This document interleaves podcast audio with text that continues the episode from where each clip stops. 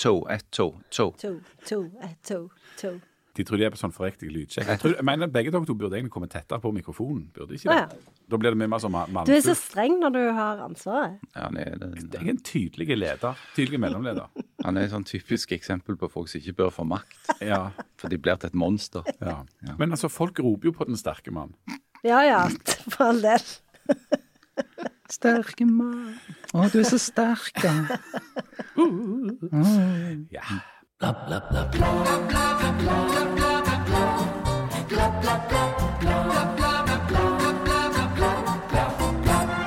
Elon Musk er verdens heldigste mann som fikk komme helt til Stavanger og møte ordfører Kari Nessa Nordtun. For denne veka er det full gass på olje... Nei, eh, energimessa ONS i olje... Nei, eh, energihovedstaden Stavanger.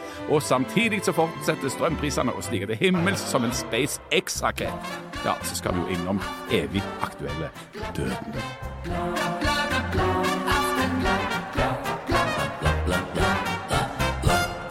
Velkommen til Aftenbladet. Hjertelig velkommen til professor i praktisk parkering, Janne Stigen Drangsholt. Du ingen- elsker jo døden. Det var ingen som sa til meg at vi skulle snakke om døden. Jeg har jo fått oversikt over hva vi skal snakke om. Døden var ikke nevnt med et ord. Døden dukker alltid opp. Det vi alle lurer på, er har du kjørt eller gått på noe siden sist?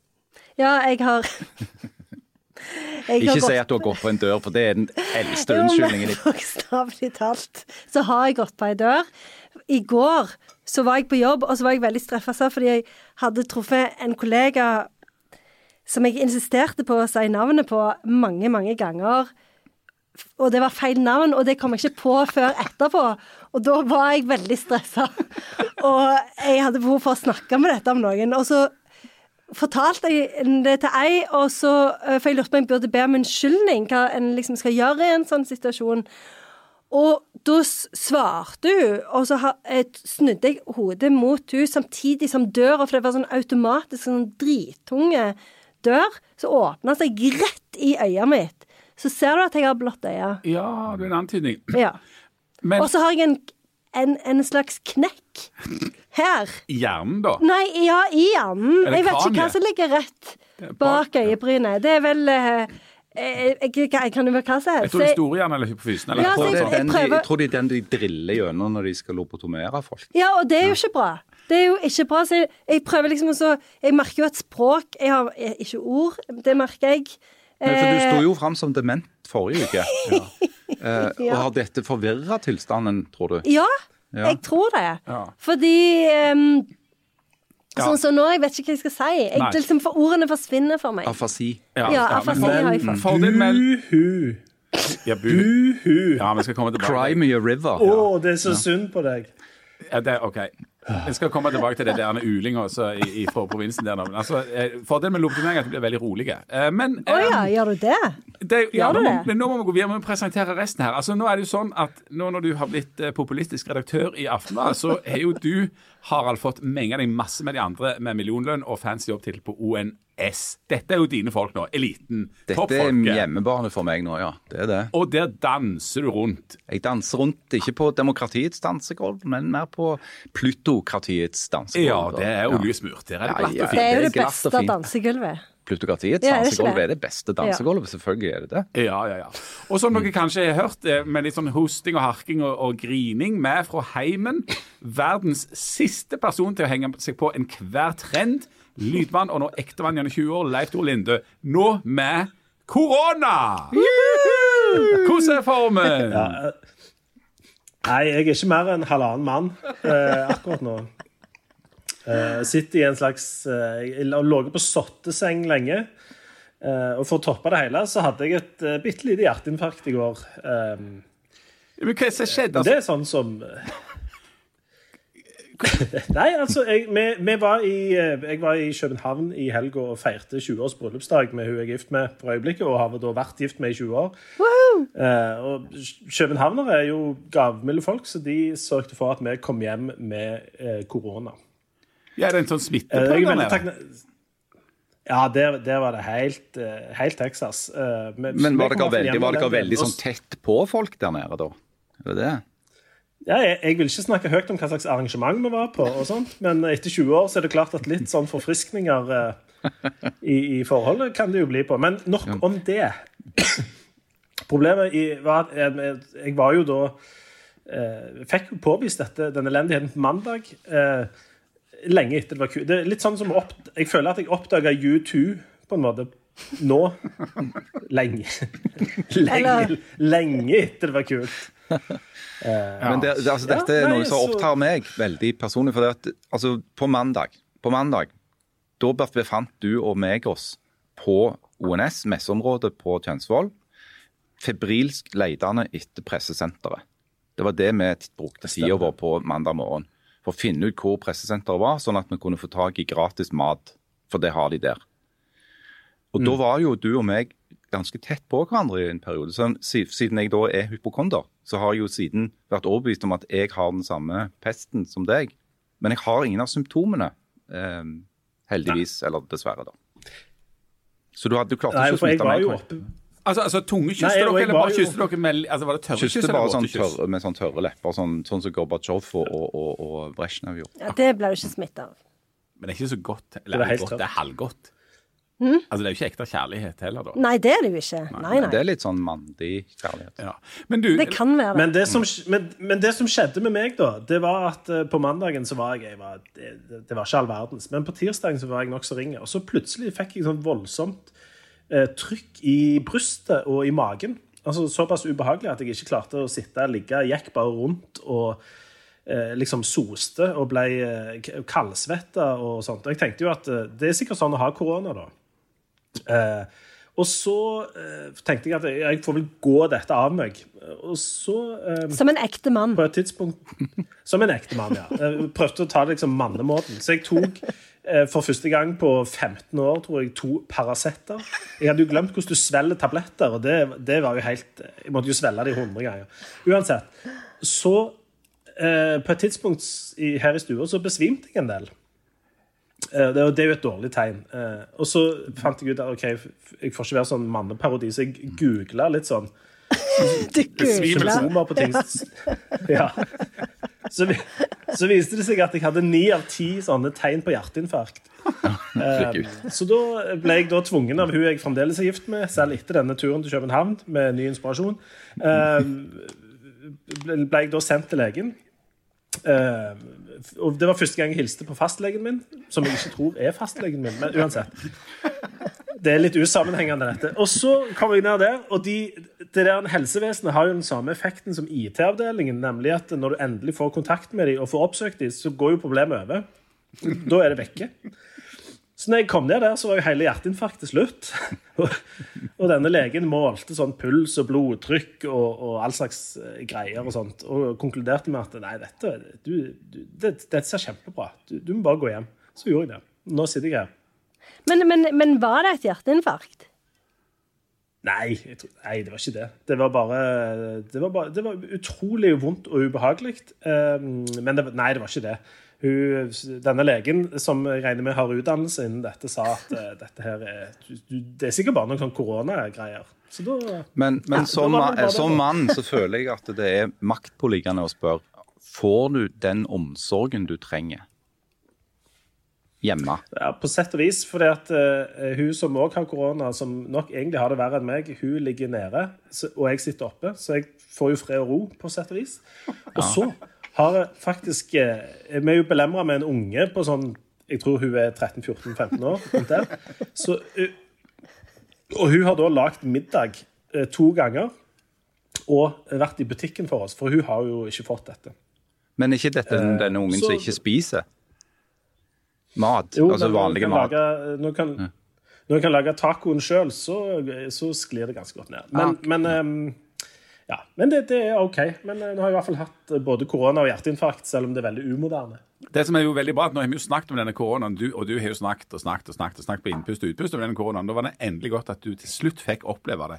Og Siden jeg måtte, eh, siden du feiger ut jeg måtte ta din jobb her, så har jeg gjort litt sånn research og sånt. Og det interessante er jo at det siste halvåret, altså de siste seks månedene, har det dødd omtrent like mange folk av korona i Norge som det gjorde på de to første åra. Men det, Ja, Det var jo en hyggelig ting å si. Har det? Ja, ja. Og det er bare som et apropos eh, til deg, som, eh, der de, de påstår at du fremdeles har puls. Men altså, eh, men det hører vi ikke så mye om. Nei? Så, og vi har en litt annen tilnærming til det nå. Ja, nå er vi vant med det. Nå er vi vant med det, og så er det jo sånn at de som da dør av dette, de er 60% av de er over 80 år og, og bor på, på sykehjem. Og Nakstad tror ikke med noen ny nedstengning. Så nå, nå er dette noe en må leve med, og så er det noen som dør av det. Nå hadde jeg glemt av han. Ja, det er ingen årsak for at jeg eh, Ja, takk. Men eh, du må jo eh, Altså- passe litt på. Eh, kjenne litt Ja, og, og etter. jeg, jeg skal passe på Ja, ja. Og, og jeg må bare si det, når, jeg, når vi var i, i København, så var jo det var jo ikke noe korona eller noe pandemi å liksom se det. Bortsett fra at det dukket opp noen sånne turister, særlig asiater, med munnbind. Og senest på søndag, når vi var på flyplassen, så lo jeg høyt av disse asiaterne med munnbind og tenkte ha, det der er noen løkruller, altså. Seriøst. Det der koronagreiene er over. Og to dager etterpå så sitter du med hjerteinfarkt og korona og tenker at uh, det er mulig de hadde et poeng. Men du, dere var jo der også og feirte jubileum. Altså 20 år, hva heter det, eh, hva heter det bryllupet? Det heter koronajubileum. Nei, jeg vet ikke. Dette er håpløst uromantisk av deg, Lindøy. Jeg har jo lest meg opp og dette, Ja, jeg har lest meg opp, og liksom fått en sånn fasit eh, på internett der. For det står at nå har dere vært gift i 20 år, og dere begynner å kjenne hverandre svært godt som ektefelle. Det kan du vel være enig i, da? Ja, det vil jeg si. De fleste har nok opplevd både oppturer og noen nedturer i løpet av disse åra. Men når en har vært gift så lenge, så viser det en dyp gjensidig respekt. Og denne bryllupsdagen kalles for noen av dere andre som vet det? Og jeg, har- jeg har jo òg hatt 20 års bryllupsdag i år. Ja, men du aner ikke hva det heter du heller. Jeg, jeg har lyst til å si Er det, el um, elfenbein. eh, Respatex-bryllup? Det er ikke respektexbryllup. Elfenbein. Porselen. Oh, ja. Oh, ja. Porselen er et sterkt materiale som er lett å forme, og kanskje det er oppskriften til et langvart og solid ekteskap. Sterke personligheter som er lette å forme. Dere kan nå feire at dere var gift i hele 20 år. Hvor er det du har henta dette fra? Det er jo reneste Internett. sludder. Internett er en, en, en oase til forskjellig informasjon. Sterke personligheter som er lette å forme. Det Ja. høres ut som et oksymoron. Ja, det er også eh, contradiction in terms. Ja. Gaveforslag. Jeg er veldig spent på hva du ga til eh, jubilanten i forbindelse med dette. Her er gaveforslagene. Porselenkrus med inngraderte navn. Tallerkener, pyntegjenstander eller mugger. Han eh, Lindøyen tenkte, han tenkte utfor boksen, så han ga nok korona heller. Ja. Jeg, jeg, vil ikke gå, jeg, jeg, vil, jeg vil ikke gå veldig i detalj, men um, en av oss fikk, uh, fikk mugger. Men um, uh, jeg kan røpe at jeg, jeg håpte egentlig det var keramikk. For det at, du vet, etter 20 år så har du jo snakket om det meste. sant? Eh, så på et tidspunkt så satt vi i København på en altfor dyr restaurant og eh, snakket om eh, keramikk. At vi hadde lyst å begynne å samle på noe keramikk. Eh, så så det, det, er ganske, det er ganske ville greier, altså, å være gift i 20 år. Det er crazy. Det er en krise. Jeg, ser det. Blomstervalget er for øvrig Aster eller Staude. Jeg vet ikke hvordan Aster Staude, ja, for det kommer liksom Ja, gud, jeg vet ikke det. Ja, I don't know. Ja, men ok. Vi må, vi, snak, vi, snakket, vi snakket litt om stauder òg, faktisk. Var litt bekymra for at plantene hjemme ikke fikk vann når vi var der nede. Uansett, skal vi gå over til neste tema? Kanskje vi skal gå over til neste tema. Du, det som jo har prega både denne byen og denne regionen, og eh, ikke minst eh, Stavanger Aftenblad den siste tida, det er at det da for første gang på fire år er eh, ekte ONS. Men hva er ONS for noe, Harald? Det er oljemessa på Kjønsvoll.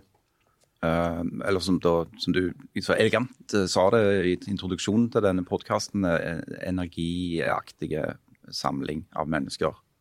Eh, men altså, ONS, Offshore Northern Seas, har jo vært eh, arrangert i, i Stavanger på Kjensvoll siden tidlig middelalder. 1974. Ja, og eh, hadde jo da et koronarelatert opphold i 2020, og nå liksom back in business. Ja. Um, Og, så, og du må jo si, altså, vi, kan, vi kan si mye om, om Stavanger, men det er ikke, det er ikke nødvendigvis den, den liksom største hovedstaden for noen verden ting egentlig eh, i hele verden, og det ligger nå litt eh, til sånn for seg selv. Det er fint, det er fint der, altså, det er kjekt, å bør altså, ikke si noe på det. Men hvis du ser på lineupen på åpningsforestillingen si, på ONS, så hadde du altså kronprins Haakon, statsminister Jonas Gahr Støre, verdens rikeste mann Elon Musk, presidenten i Ukraina, eh, Zelenskyj med på video, pluss Equinor-sjefen, IEA-direktør Fatih Birol, Shell-sjefen, som er en kar fra Holland. Altså, hva sier den der rekka om ONS sin status og størrelse og posisjon? det sier jo at selv om Norge er et lite land i utkanten av verden, så er Norge en stormakt når det kommer til energi. Eh, Vi er en av verdens største eksportører både av olje og naturgass. Og vi kommer til å forbli en av verdens største eksportører av naturgass i mange, mange år framover. Og det betyr jo òg at når Europa f.eks. For, for tiden opplever en energikrise, eh, så har Norge en utenrikspolitisk slagkraft som går langt utover. Altså, vi, vi, vi deltar i en helt annen vektklasse enn vi normalt ville gjort med våre få noen skarve millioner innbyggere. Og det er jo fordi at vi sitter på disse energireservene som alle er interessert i. Ja, når du snakker om å bokse en, en høyere vektklasse enn en strengt tatt Altså, Janne. Er, det, er det sånn at du har grunn til å glede deg til ONS sånn som et barn vil glede seg til jul? Nei. Har du noe forhold til dette? i det Nei, så eh, eneste jeg har sett om ONS, jeg så jo det Elon Musk-greiene, og så så jeg at eh, eh, det var mye snakk om mingling. Om at de som bor ONS er ONS er så gode å mingle. Det så jeg i Aftenbladet hadde en reportasje om. Og min erfaring er at folk er ikke så gode å mingle som de tror de er. For ofte med mingling så blir det sånn at folk snakker veldig mye om seg sjøl. Eh, og eh, er veldig fornøyd med det og tror de er gode mingler, og det kan jeg bekrefte at det er de ikke. Det, det er en, en av de tingene som jeg egentlig ikke er særlig god til. Eller jeg kan det hvis jeg må, men mingling er ikke min favorittøvelse. Men Eh, jeg trodde det var en del av jobbeskrivelsen når du var populistisk redaktør. Ja, og det er det som er, det er jo litt sånn påfallende, da, for at som populistisk redaktør så skal du jo på en måte være out and about. Og det, altså, Jeg har ingen problemer med å snakke med folk når jeg har noe å snakke med dem om. Det er liksom sant, å delta i en debatt, eller lede en debatt, eller snakke fag med noen, eller intervjue. Men når du etterpå står der og skal liksom småprate litt på vei ut døra, det er da jeg ofte begynner å slite. Eh, For det, da er jeg liksom da er jeg ferdig mentalt. Så det er noe jeg sikkert må øve meg på i den rollen som populistisk redaktør. Men selv om, selv om du var der, så var det jo folk som var enda mer kjent enn Nei, deg. ja, et par. Ja, du har jo han Musk, da. sant? Du har han. Ja, Han var jo på en måte da den, den suverent største stjerna. Han kom her i sin egen privatjet, var her i ti timer, faug ut igjen, fikk dekning som om han skulle være altså, ei, superstjerne. Sa 'we need to uh, more babies'. Ja, det skal vi komme tilbake Ja. til. Det skal vi komme tilbake. Det er et veldig interessant eh, poeng som jeg har notert meg noen ting rundt. Men for å starte i den for at han, han er jo en, en slags sånn eksentriker, men så sitter han da i et sånt panel der, og, og han er jo Altså, Han er jo en, en interessant type, må vi vel kunne si. Eh, men hva, hva var budskapet til Musk til eh, oss og til ONS og til alt i hop? Altså, hovedbudskapet hans, Det var en egentlig litt sånn artig situasjon, fordi at jeg, i likhet med veldig mange andre, sto der i, i og hang sant? Og ut forbi eh, energihotellet på, på Tjensvoll og venta på at han skulle komme. da. For det at det, det, Dette er jo en person som blir fulgt nærmest sekund for sekund på f.eks. på en, eh, en Twitter-konto som heter Elonjet, som følger denne her eh, flyvemaskinen hans eh, i sanntid. Så folk vet jo hvor han er til enhver tid. så Vi, jo, vi fikk jo beskjed når han hadde passert Reykjavik, eh, og hvor mange fots høyde osv. Men så kom han da ut av, eh, av Teslaen sin, og så stoppa han da eh, for å si noen ord til de frammøtte pressefolkene. Og akkurat samtidig med at han åpna kjeften for å si noe, så starta et sånt ompa-orkester å spille ut forbi, som skulle lage stemning ikke sant, ut forbi der. De spilte sånn ompa-versjoner av noen sånn Beatles-låter. 'Yesterday' tror jeg det var de sving, svingte i gang. Så, men det han ville framføre, var jo selvfølgelig at han, han elsker Norge. Eh, fordi at Norge elsker han ved å gi han milliarder av kroner i subsidier eh, for at folk skal kjøpe dyre eh, elektriske biler som han lager. Og er det Norge som har gjort han til verdens rikeste mann? Norge har gitt et enormt bidrag til hans personlige formue ved å gi så store eh, altså økonomiske fordeler, eh, rabatt på kjøp av, av dyre elbiler, eh, som Tesla er et eksempel på. Eh, jeg har ikke, altså Dette er jo ikke en eksakt vitenskap, men jeg hørte at eh, hvis du kjøper en Tesla X, sier den store SUV-varianten til Tesla, så blir du påspandert av deg og meg og Janne og, og til og med av Leif Tore eh, en ca. Sånn 250 000-300 000 kroner i rene subsidier over statsbudsjettet. Så han er jo glad i Norge fordi at vi har, har gitt han denne muligheten. Og nå er jo Norge et unntak globalt. Altså, nå er jo Um, altså Hvis du ser på nybilsalget i Norge, så er det jo flere elbiler som blir solgt enn en fossilbiler. Og det er jo ikke tilfellet omtrent noen andre steder i verden. Men alle snakker jo da om dette grønne skiftet. Det er derfor eh, ONS ikke heter oljemesse lenger, men eh, de omtales som en energimesse. Og i motsetning til mange som driver og snakker om dette, her, så har jo da altså Elon Musk vært veldig tidlig ute, og tidligere ute enn andre, og levert en batteri, batteriteknologi og noen biler og noen produkt og noen visjoner for det grønne skiftet i praksis, som gjør at du kan gå og kjøpe det riktignok til en, en ganske stiv pris i en butikk. Det er derfor han er interessant, fordi at han har jo eh, han har både visjonene og gjennomføringskraften på å, å gjøre noe. Han, han, ble jo, han, ble jo, invitert til ONS uh, fordi at han er det de kaller en sånn disruptor. Altså en som på en måte tenker annerledes og, og gjør andre ting, og har vist at det går an å, å, å få en vanvittig formue, uh, i alle fall på papiret, da, av å gjøre motsatt, på en måte. Altså, det, er ikke, det, er ikke, selvsagt å, å, drive en business i USA og si at eh, vi skal lage elektriske biler, når du vet hva slags mektige krefter som er imot deg. da. Hele olje- og energisektoren i, i, i USA har jo vært ganske fiendtlige til det såkalte grønne skiftet. Så, så, og så er han jo kjent for å være en sånn annerledes fyr. da. Altså han, han, er ikke, han er ikke en sånn tradisjonell businessleder. Han er jo relativt spesiell. Han er jo selv erklært eh, på autismespekteret med det som tidligere ble kalt Aspergers syndrom. Han har visstnok, selv om jeg aldri har sett papirene, en eksepsjonelt høy intelligens. Eh, og har jo et ukonvensjonelt liv med elleve unger med en haug med forskjellige eh, kvinner. og eh, han liker jo best å være i situasjoner hvor han omgås med helt andre folk enn de du tradisjonelt forbinder med forretningsliv. da. Han er, han er, men han er jo en del av egentlig sånn populærkulturen. Han er en sånn figur i, i Amerika, Janne. Altså du så eh, ser på sånne narrativer og, og, figurer og karakterer og sånt. Altså, hva, hva, er det med han som er så enormt fascinerende at han er liksom, han, han overskygger statsministre og kronprinser og, og, det ene og det andre? Til og med Kari Nessa Nordlund, muligens. Hvis han hadde levd eh, i romantikken, så hadde han jo vært en poet prophet. Som, ja. eh, for det var jo sånn Shelley i sitt uh, Defense of Poetry så skriver jo han om liksom disse herne Poeter for Shelly er jo ikke bare poeter, men det er òg de som, ja, som Harald sier, tenker utenfor boksen og klarer å se ting fra et annet perspektiv, eh, som gjør at samfunnet faktisk blir endra.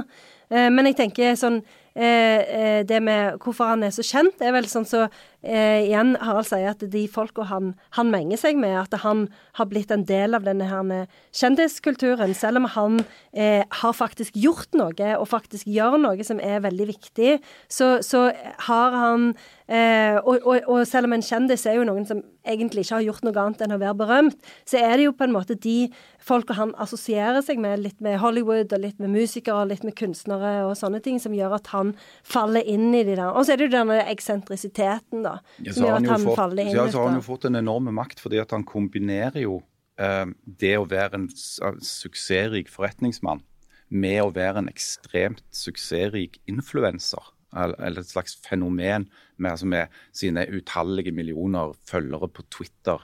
Eh, en plattform som han jo òg har prøvd å kjøpe og nå prøver å trekke seg fra. Eh, han kan jo som en av få personer i verden, kanskje en annen jeg kan f.eks. være den amerikanske eldgamle investoren Warren Buffett, da, som òg er søkkrik, selvfølgelig. Han har evne til å gjøre folk til milliardærer bare ved å peke på dem. Bare å peke på et selskap og si at jeg, de syns jeg er bra så, så, så, stiger kursen i det selskapet med 1000 i, noen, i løpet av noen minutter. Og Det er jo en makt som er helt uh, Det er veldig få mennesker i verden som har så mye faktisk makt som Elon Musk. Du, sånn sett. Den litt raspete, raspete stemmen på Kjensvoll, eh, fikk du møtt på Elon eh, før, han, før du gikk i sotten og han gikk i jetten? ja, altså noe av det Mens jeg var der oppe og smitta mine pressekollegaer med med hjerteinfarkt og korona, så var jo Elon Musk der. Noe av det interessante var vel at han kom til Stavanger og så sa at nå må dere bare pumpe opp med gass og olje og få gang på greiene, Harald. Leif Tore, eh, Leif Tore du, er, du, er, ikke fra Stavanger, du er fra Hommersåk, men vi pumper altså ikke opp olje og gass. Den kommer opp helt av seg sjøl. Du høres ut som en østlending når du sier det. Ja, altså, jeg måtte bare sjekke om du, om du fulgte med. Men han, han, han, hadde altså Han kom jo ikke der og Det var jo noen demonstranter som samtidig som han snakket, limte seg til veggen og hadde appeller og sånt der oppe. Mm. Uh, men Elon Musk kom jo ikke der og sa at må dere legge ned det oljedriten og så eh, og så bare satse på, på strøm og sånt. Han sa vel egentlig det motsatte, gjorde han ikke det? Han sa at, at han er opptatt av det grønne skiftet og av elektrifisering, men samtidig helt klar på at verden fremdeles trenger olje og gass for at det ikke skal rett slett klappe sammen. Han vil ha havvind, og så vil han ha atomkraft. Altså at, folk, at land som det er atomkraft, de må ikke stenge ned. Og Dermed så går han jo rett inn i eh, energidebatten og kraftkrisedebatten i Europa. Ja, Han er jo et eksempel på ganske naturlig, i og med at han har skapt seg en karriere og en formue på teknologi. Så er han teknologioptimist. I den forstand at han tror at det finnes løs altså løsningene kommer fordi at eh, teknologiutviklingen er så rask. Blant annet så nevnte han jo dette med hvor eksponentielt veksten har vært når det gjelder batterikapasitet. Eh, fordi at det, Tradisjonelt så har vi jo tenkt på batterier som for noe du har i en bil for å få den til å gå. Eller som du putter i et eller annet apparat du trenger for å virke. Men batterifabrikker nå bygges jo for å lage en enorm lagringskapasitet for å være motoren i strømnettet. For det som skjer når du, når du kobler vekk alt det andre fossile, gasskraftverk, kullkraftverk, atomkraftverk, så mister du motoren i et strømnett. Eh, det er det mange som sannsynligvis ikke vet. Men et strømnett som var basert kun på tilfeldige elektroner fra vind for eksempel, eller sol, ville kollapse, ville gå i svart, og du ville ikke klare å få det i gang igjen, selv om det begynte å blåse eller begynte å bli sol. Sånn at du er nødt til å ha et eller annet svær en motor i bunnen av et strømnett, og det kan disse store batteriparkene bli.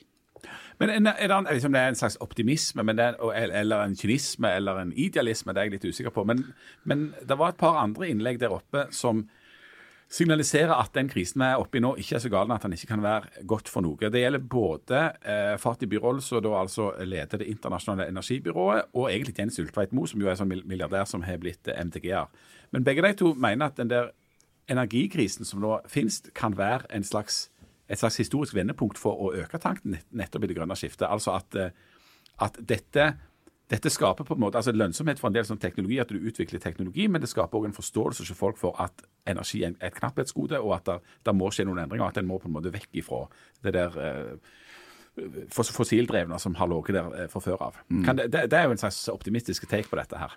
Ja, det er det. Men samtidig så skal vi være realistiske. for det at Selv om batteriteknologi har gjort store sprang eh, de siste ti åra, så er det fortsatt et godt stykke igjen til å si at batterier kan erstatte på en måte sånn én-til-én fossil. For det, Tenk bare på den potensielle energien som er en liter bensin. Det vil jo alle vite som har prøvd å sette fyr på bensin. Det er mye, det er mye gang der. Sånn. For å kopiere energien i en liter bensin, så trenger du et helsike stort batteri.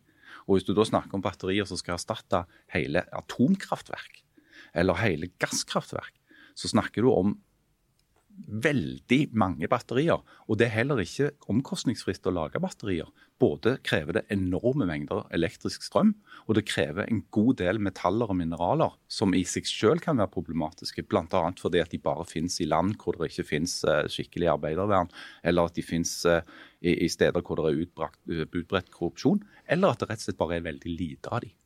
Kjensvold, det er jo det er masse god energi i en skikkelig samtale om keramikk. Kunne en fått utvunnet noe sted av det?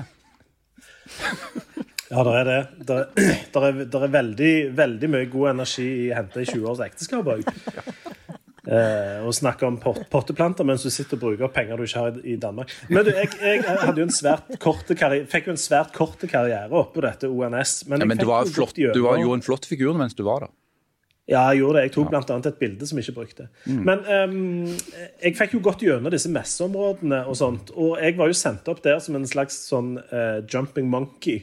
Bare for å vase, vase rundt og skrive noe som ikke var så alvorlig. Eh, som jeg jo aldri fikk gjort. Men uh, jeg, jeg, liksom, et av hovedinntrykkene mine etter å ha vært der, er, var på en måte å få bekrefta det som jeg slengte ut som en litt sånn hot take i forrige podkast, nemlig at Eh, dette miljøet det, bryr, det står egentlig ganske langt nede på lista, eh, både til oss sånn personlig og som samfunn. Altså miljøet det, altså, det, det, det, var til og med grønne løpere der oppe istedenfor røde. Og det var ikke måte på blomster og, og, og, og sånn økologisk kaffe og sånt.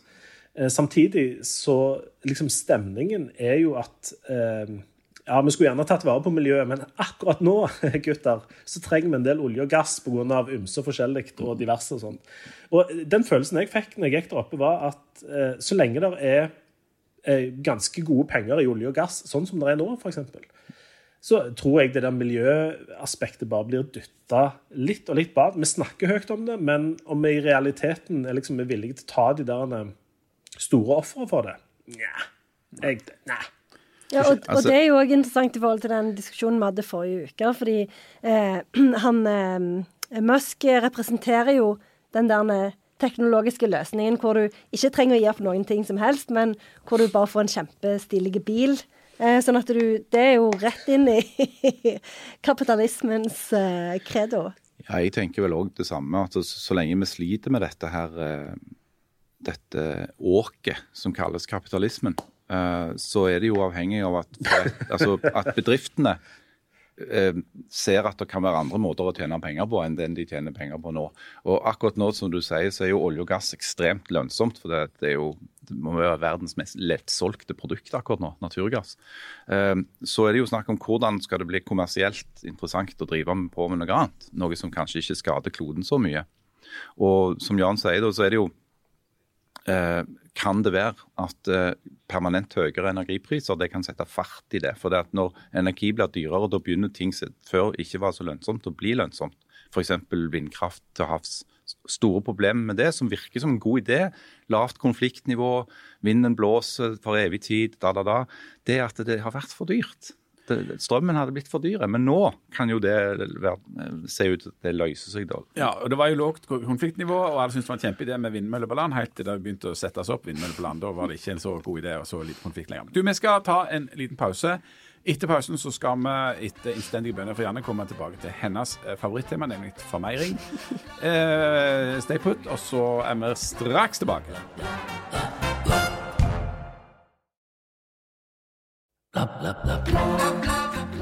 Hjertelig velkommen tilbake til Bla, bla. Vi skal eh, inn på dette med formeiringene. Du elsker jo det.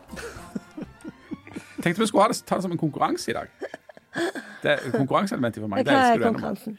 Konkurransen er ehm, Vi har jo vært innom denne Musk. Og det som var litt sånn overraskende, syns jeg, da, for han snakket om sånn batteri og, og, og kjernekraft og alt det greiene der, men det han sa som var, som var er veldig viktig for å rett og slett sikre sivilisasjonens overlevelse, det er at folk må få flere unger. Og mens han sa det, så spilte det Ompa-orkesteret 'Can You Feel The Love Tonight'. Så det var jo tydelig regissert. Det må være tydelig tydelig regissert. Og så er det jo sånn at Elon Musk han har virkelig gjort en god innsats for dette. Så første spørsmål i konkurransen det er hvor mange unger har Elon Musk?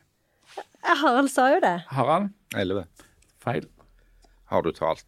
Ni. Ni levende. Han har en som døde i krybbedød ti uker etter han ble født, i 2002. Men han har ni levende unger.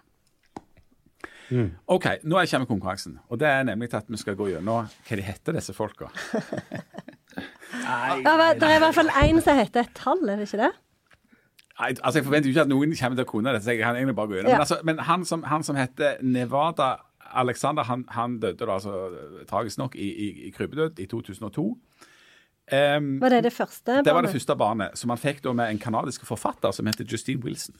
Ja. Aldri hørt om. De var veldig glad i sånn prøverørsgreie, så i 2004 så fikk de tvillinger. De heter Jeg kan ikke vite dette. Griffin og Vivian. Det vil si det er, det, Det er jo relativt normale navn. Ja. ja, men det er alltid noen komplikasjoner når det gjelder dette Elon Musk. For at egentlig så fikk han eh, Så fikk de to eh, To tvillinger som var gutter. Tvillinger er ofte to. Som heter, det, ja, sant? som heter Griffin og Javier Alexander.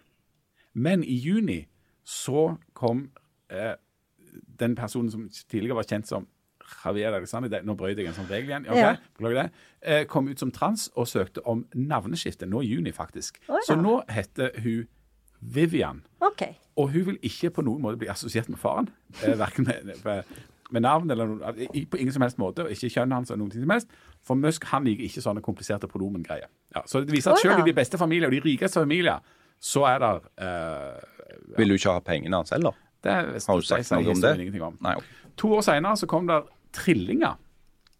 Da kom Kai, altså KAI, Saxon og Damien. Og så har jeg tatt par til, så ble han skilt ifra hun der Wilson.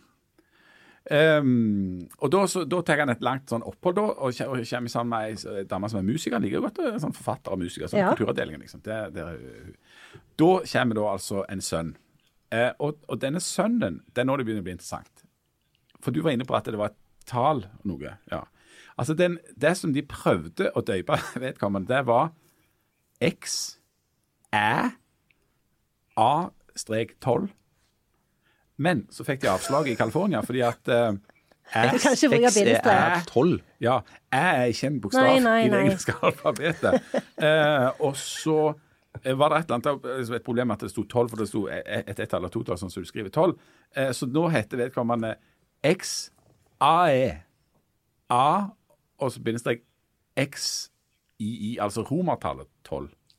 Hvordan uttaler du det, da? Aner ikke. Jo, jo, skal jeg se hva de kaller han? Ja. Det er en gutt. De kaller han for X. Han forsikrer Så- ikke psykiske problemer. Nei, så gikk det tre år. Eh, liksom, er det noen som kommer til å skifte navn her? Know, ja, så, så i 2021 så kom der altså ei datter da, via surrogat. Het du det? Nei, altså, nei, men, oh, nei, altså, altså, sånn, det var ikke Ja, de hadde men altså, via surrogatmor, eh, som heter Exa Dark Sideræl Musk. Ja, Men kaller de hun òg for X, da? Hun kaller de for Y. Å ja. Hexa Dark Sideræl. Sideræl syns jeg er, er Men spesielt eh, eh, interessant. er det en slags sånn nikk til Norge? Er det en slags Det må jo ha hommage? vært et, et, en homasj til, til Norge, ja. Et eller annet må det være den der eh, elbilstøtta har gjort til mange resultat. Og så i, og dette var i 2021, men i november 2021, altså samme år, ehm, som altså, Så kom det et tvillingpar til med ei annen dame, eh, som altså da kom seks uker før det andre barnet med Hugh Grimes, som heter Y. Men de to nye, de vet vi ikke hva heter. Ja, men er, ei sånn han var sammen med, eller er surrogat? Nei, det er den nye dama. Oh, ja, er han ikke sammen med hun Grimes, Grimes, det ser ikke ut som det, men det er litt sånn uklart. Altså, jeg tror det er veldig mye som er litt sånn flytende i, Ja. og, og, og, og ukonvensjonelt. Men ikke kjønn. Når det gjelder, nei, ikke det. Nei. Eh, når det gjelder denne, denne Jeg tror de to siste heter Roadster og SpaceX. Oh, ja. Ja, Det var jo litt- være, litt for vanlig, ja. kanskje. Ja, det var kanskje litt for vanlig. SpaceX Musk. Ja. ja SpaceX Musk. Ja. Nei, Men, men OK. eh, men, men kan, kan vi gå videre? Jeg tror vi skal gå videre. Ja. Men, og, og nå, nå har vi snakket så mye om, om, om energi og alt det der. Men jeg kan bare nevne sånn en passant at sånn, prisen setter- satte ny rekord denne veka. Eh, Så det er toppstemning. Men du, Ja, og så syns jeg eh, Det som jeg syns er litt ufint, og jeg vet ikke om det går an å, å ordne dette, men hvorfor er det dyrest hele tida mellom seks og syv? Er det fordi at det er bru- brukes mest strøm, da? Ja. Ja, OK. Det er de ti- tidspunkter der flest eh, folk bruker mest strøm, da er det dyrest. Ja. Det er en uting. Ja. Vi skal gå videre. Um, nå, det, nå skal vi over til et annet favorittema. Etter, rett etter formeiring så er det jo døden. Jeg elsker hater denne dagen. Ja, det det er en kjempedag. For det er sånn at I går kveld når vi satt på kvisten og svarte på ulike spørsmål, så kom det melding om at Mikhail Gorbatsjov er død, 91 år gammel. Um, og, og eh, det var litt av en type. Og jeg tenkte at, eh, at Harald kunne få plage oss med tre eksepsjonelt kjedelige minutter om Gorby, rett og slett. Hva sier du til det? Da burde jo introen vært eh, den sangen til Jahn Teigen, i så fall. Kan vi tro på Glasnostikk er et spill, men noe vi kan tro på, noe som er fint. Jeg kan Ja, men det, det var en bra Ja. Det var en kjempefin jingle. Vi Ja. tro at Vær så god, eh, populistisk redaktør. Ja, det. Ja da. Mikhail Gorbatsjov, uh, Gorby, eh, som han da ble eh, kalt eh, på slutten av 1980-tallet. Han døde da i går. Um, og han var den siste statslederen i Sovjetunionen, noe han var fra 1985 til mars 1990. Siden, så var han da en liten periode president i samme union i, fram til 19, desember 91, når eh, unionen gikk i oppløsning. Um, og han har jo blitt en, en sånn sentral figur fordi at han blir forbundet med avslutningen av den kalde krigen.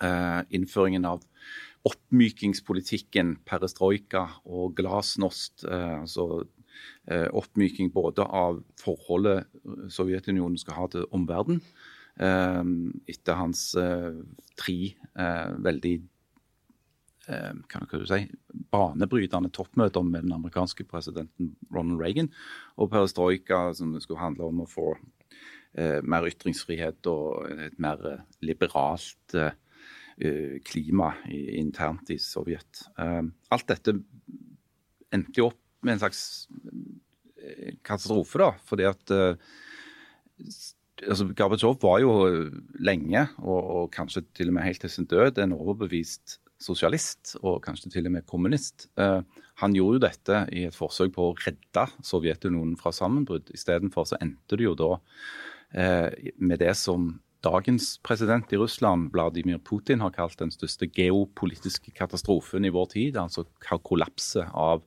uh, kollapset av Sovjetunionen og, og denne det mange trodde da var en slags total seier for de vestlige liberale demokratiene. Eh, for dette arbeidet så fikk Gorbatsjov eh, Nobels fredspris eh, i Var ikke det i 1989? 90? 1990? Og ble jo en slags internasjonal kjendis med denne her karakteristiske pannen sin med denne flekken på. Et veldig sånn gjenkjennelig ansikt. Han, han ble liksom og eh, ukarakteristisk eh, statsleder i Sovjetunionen i den pur unge alder av 54 år, etter en lang periode hvor denne stillingen vanligvis gikk til menn som var helt på eh, oppløpssida i livet. og, og, og, var da sant, en slags karismatisk, blid, menneskelig utgave av kommunismen. Og som òg fant veldig tonen da, med den amerikanske presidenten Ronald Reagan. Eh, som jo berømt sto eh, og talte og henvendte seg da i denne talen direkte til sin kollega i Sovjetunionen og sa Mr. Gorbatsjov, tear down this wall, eh, med referanse til Berlinmuren. Noe som da faktisk skjedde. Men det, det som nok òg blir underslått når en skal fortelle historien om Gorbatsjov, det var jo at fram, altså fram til han plutselig innså at Sovjetunionen sto på læreføtter, var jo en overbevist kommunist. altså Han hadde gått gradene i kommunistpartiet. Han ble utnevnt til sentralkomité i, i uh, kommunistpartiet og politbyrået allerede så tidlig som i 1970 og 1971. Uh, så han var jo en apparatsjnik. Og, og, bare noen få år før perestrojka og glasnost så skjedde jo Tsjernobyl-ulykken. Altså eh, kollapsen i dette kjernekraftverket på grensa mellom Hviterussland og Ukraina. som Gorbatsjov i kjent sovjetisk stil bestemte seg for å legge lokk på og ikke la komme ut. Som jo en sånn typisk en kommunistisk reaksjon på en katastrofe. Sånn at han, han var jo en kompleks figur, eh, Gorbatsjov. Eh, men det han jo selvfølgelig vil bli huska for, er den jobben han gjorde eh, med avslutningen av den kalde krigen. Og I parentes bemerka så kan jeg tilføye at Gorbatsjov da var av eh, blanda herkomst. Hans mor var ukrainsk. Hm. Ja. Det var, men du, men du, det, det var kirkelig kjedelig, sant? Uh, men nå veldig opplysende. Jeg fikk faktisk et hjerteinfarkt der, og besvi, jeg besvimte en del og fikk hjerteinfarkt, for det var så kjedelig. Men du, er det ikke, er det, eh, er det ikke sånn at uh, alt det der uh, som skjedde med glasnost og perestrojka og andre typer det som jeg lenge trodde var type ost, men som jo er sånne reformer det, Er ikke det alt det Putin prøver å reversere nå? Og og liksom, Er ikke det årsaken til all sjauen? At som, det er dyrt å dusje mellom seks og syv? Jo, men som jeg sa, så, jeg er, jo, så er jo det altså Putin har jo sagt flere ganger at han mener at kollapsen i Sovjetunionen, som førte til at Sovjetunionen mista jeg husker ikke helt tallet, men var det 40% av arealet sitt?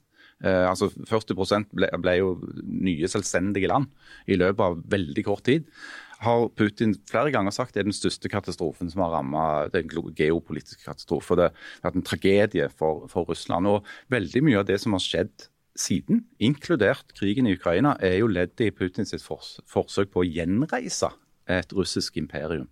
Og det, altså det er rimelig å si at eh, Gorbatsjov var enormt populær i Vesten og i store deler av resten av verden. Men eh, han er jo ikke vært like populær i Russland. Nei, på ingen måte. For, blant annet av den grunn. Fordi han ble sett på som på en måte begynnelsen på slutten. Ja.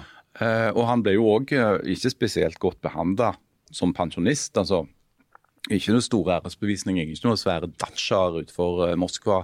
Uh, og nå er det jo, mens vi sitter her, et åpent spørsmål om han vil få, vil han få en statsbegravelse som en tidligere statsleder i Sovjetunionen, eller vil han bli behandla på en annen måte. Og så har du jo også altså Hvis dette hadde skjedd før invasjonen i Ukraina, så hadde det jo mange utenlandske statsledere, tidligere og nåværende, kommet til Moskva for å delta i hans begravelse. Nå vil jo ikke det skje. Nei.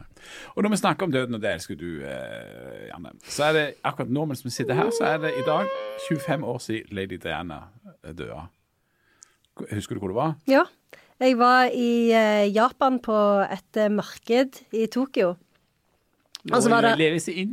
Nei, nei, det er jo den ene Jeg hadde sånn utvekslingsopphold, og, og da var det en som hadde skrevet eh, en plakat, eller sånn A4-ark, og hengt opp på liksom eh, standen sin, og skrev, han skrev sånn eh, 'Lady Diana er død'. Så, eh, det var sånn utrolig sånn fremmedgjørende opplevelse å se det liksom på japansk.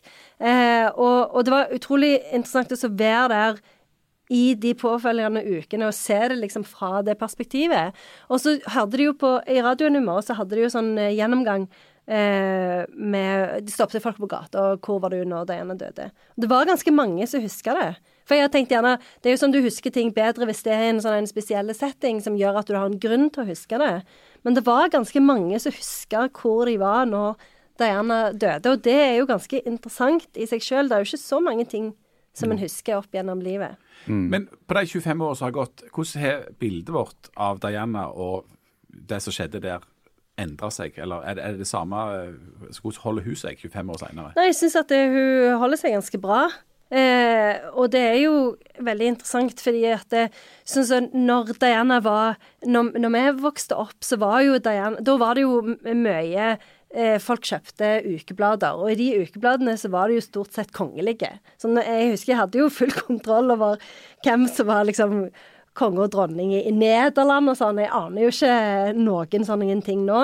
For nå har vi jo andre typer kjendiser. Men, men Diana, hun er liksom Hun er liksom denne eh, kjendisen som både er kjent faktisk for å ha gjort noe, men som òg er kjent fordi hun er kjent. Altså det blir sånn sjølbekreftende eh, kraft. Men så er det jo denne enormt sånn tragiske historien selvfølgelig som har en sånn en stor appell. Alle kan jo kjenne seg igjen i den der smerten og eh, som, som hun følte fordi hun var alene, og hun liksom Selv om hun er fra en sånn en velstående familie, så ser jo folk på henne som en av oss. Hun var eh, en av folket, og så ble hun behandla så enormt dårlig av disse her onde, rike, dumme menneskene som bare har gjort ting etter ting, som liksom har gjort eh, tabbe etter tabbe. Men Diana, liksom minnet av helgenen Diana, den står seg fremdeles. Jeg òg tenker på det når, når eh, Diana liksom gikk gjennom rekken av sikkerhetsfolk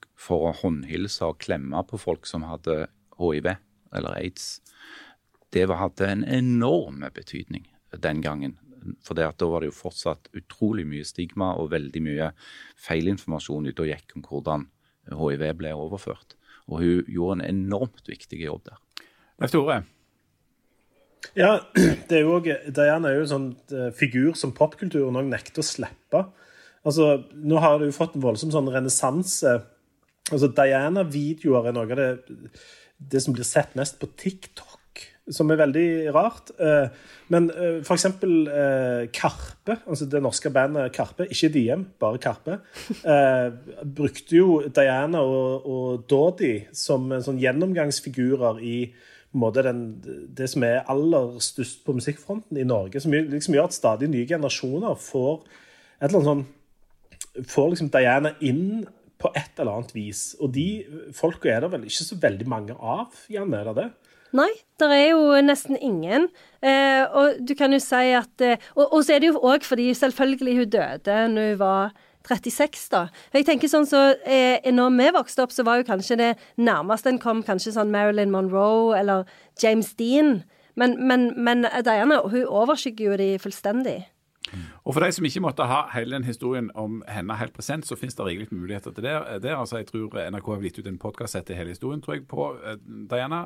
Eh, men så kom det nettopp en eh, film på kino som jeg ikke vet om går lenger, men så, så handler om henne som er en, en sammenklipping rett og slett av arkivmateriale som forteller historien eh, egentlig eh, ifra hun trådte inn i medieoffentligheten i eh, Storbritannia til den dagen hun døde, delvis som en konsekvens av hennes inntreden i medieoffentligheten i Storbritannia. Ehm, vi, skal, vi skal nærme oss en avslutning, men Jeg fikk jo i oppdrag sist eh, om å komme opp med en sånn hot take, at jeg skal si noe upopulært og spesielt.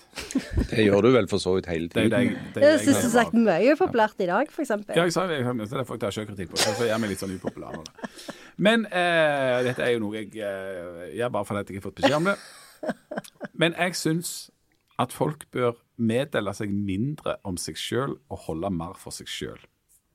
Hvis du for eksempel, og dette, Jeg er klar over at det signerer noe glasshus i og med at jeg sitter og babler blant annet veldig mye om meg sjøl i en time. At jeg jobber i avis der vi absolutt vil at folk skal fortelle om seg sjøl, og, og, og, og at dette er på en måte det vi egentlig holder på med. Men, men altså, altså, vi, må, vi, må, vi burde fått mye mer, mer ting som var privat igjen. Altså, Hvis du eksempel La oss si at du er, er, er gift med et eller annet menneske, og så er dette mennesket bursdag. Og du har lyst til å gratulere vedkommende med dagen, og, og til og med si eh, de store ordene 'jeg elsker deg'. Da syns jeg at du skal ta det over frokostbordet, eller kanskje i senga, eller på bad, altså hvor som helst hjemme. Men at du sier dette direkte til det mennesket, istedenfor å skrive en sånn lang harang på Facebook der du gratulerer, eller på Instagram, eller hvor fanden det. Hvorfor skal jeg vite om det? Og det verste eksempelet var et sånt par som jeg- vi kjente, som hadde de mest uendelige sånne kjærlighetserklæringene på, på nett, som var så privat, og det var, og, så, og det var ikke måte på hvor intimt det var, og så eh, plutselig ble de skilt. Det, det var etter det der greiene der. Så hvis folk bare hadde, hadde holdt mer ting privat og holdt det for seg sjøl Vær så, så forbanna og snakke Ja, Leif Tore Linde. Ja, dette, er jo, dette føler jeg er en indirekte kritikk mot meg. Og Tusen takk for det. Altså, jo, men hør nå.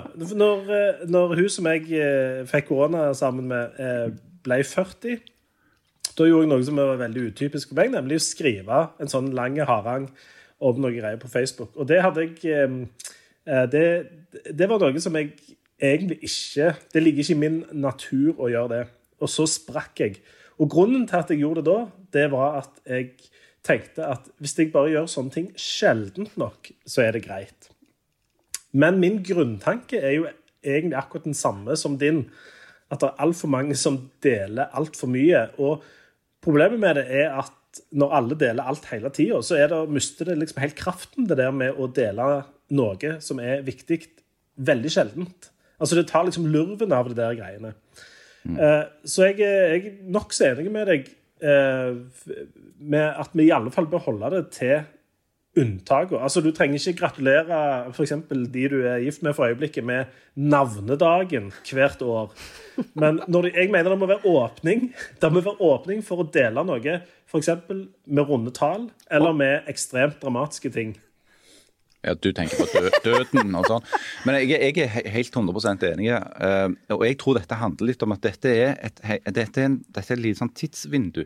Altså vi, vi som nå er sånn 40-50-60-åra, vi er eh, amatører og, og noviser på sosiale medier. og, og Vi, tar og tester ut dette her. Har gått altfor langt inn i det private og legger ut bilder av ungene våre og holder på og deler og herjer. Ungene våre sitter jo bare og rister på hodet. Hva er det dere holder på med? Så Jeg kan jo merke det på mine egne. Altså Hvis vi er i en eller annen setting, er jeg på tur, eller noe sånt, og jeg driver og tar noen bilder, og så er det sånn Gidd å legge det ut, da. Sant? Altså, du kan godt ta bilder av oss, men ikke sant? Det er jo ingen som gjør det. Sant? Ikke hold opp med det. Sant? Og det er sånn Det, det er typen sånn gamlis-greier. Å drive og dele på alt hele veien. Og så har jeg en annen grunn òg, så, så jeg tror at det er smart å, å, å liksom Hvis du går og har noe vondt og vanskelig, hvorfor det er bra liksom å stenge det inni seg og ikke snakke om det, det er jo for å holde psykologer og psykiatere i arbeid. Absolutt. absolutt. Må holde Ja. oppe den der køen. For du må la det bygge seg opp til et sånt uutholdelig trykk inni deg. Og, og gå og gnage på det og ikke sove og sånn. Det blir bra. Ja. Janne, du er jo en aktiv eh, sosiale medieprofil. Ja, og som, eh, på samme måte som Leif Tore, så føler jeg at dette er et angrep på meg. Eh, men eh, jeg eh, Du er jo ikke på Facebook engang. Nei, nei, men eh, even so. Jeg la jo ut et bilde når vi hadde denne her 20-års... eh, Porselen. ja, og la ut bilde av mannen. Han hadde bursdag forrige uke. Ehm, jeg er jo på en måte enig, men samtidig syns jeg det er ganske gøy å se sånne bilder. Og særlig de som du snakker om, med folk som legger ut veldig mye. For det er jo ofte en indikasjon på at det er noe som er galt. Ja, og det liker jeg litt.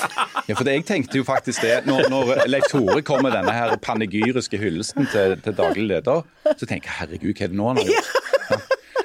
Har, har han krasja bilen? Hva er det- som har skjedd? liksom? Ja, har han satt fast bilen oppå Ja, en sånn kant? han, han, kan, han ha kjørt over en kant på Meny, eh, et eller annet sånt. Men det var jo på en måte Det var jo den ønska, det var jo den ønska effekten. Altså, hvis du eh, Hvis du gjør noe sjeldent nok, så får du jo en mye større effekt. Jeg mener jo Problemet er ikke at folk deler noe sånn prinsipielt, men at folk gjør det altfor ofte, og at lista ligger på en helt feil plass. Um, En gang når jeg jeg var, mener at da du en gang når jeg var mye yngre enn jeg er nå, så kom far min en gang hjem med blomster. Og da ropte mor mi faktisk Hva er det nå du har gjort?! Men, eh, men, eh, men jeg, er jo, eh, jeg er jo enig i det som Leif Tore sier. Eh, og eh, det er jo en del folk som selvfølgelig burde beskyttes mot seg sjøl.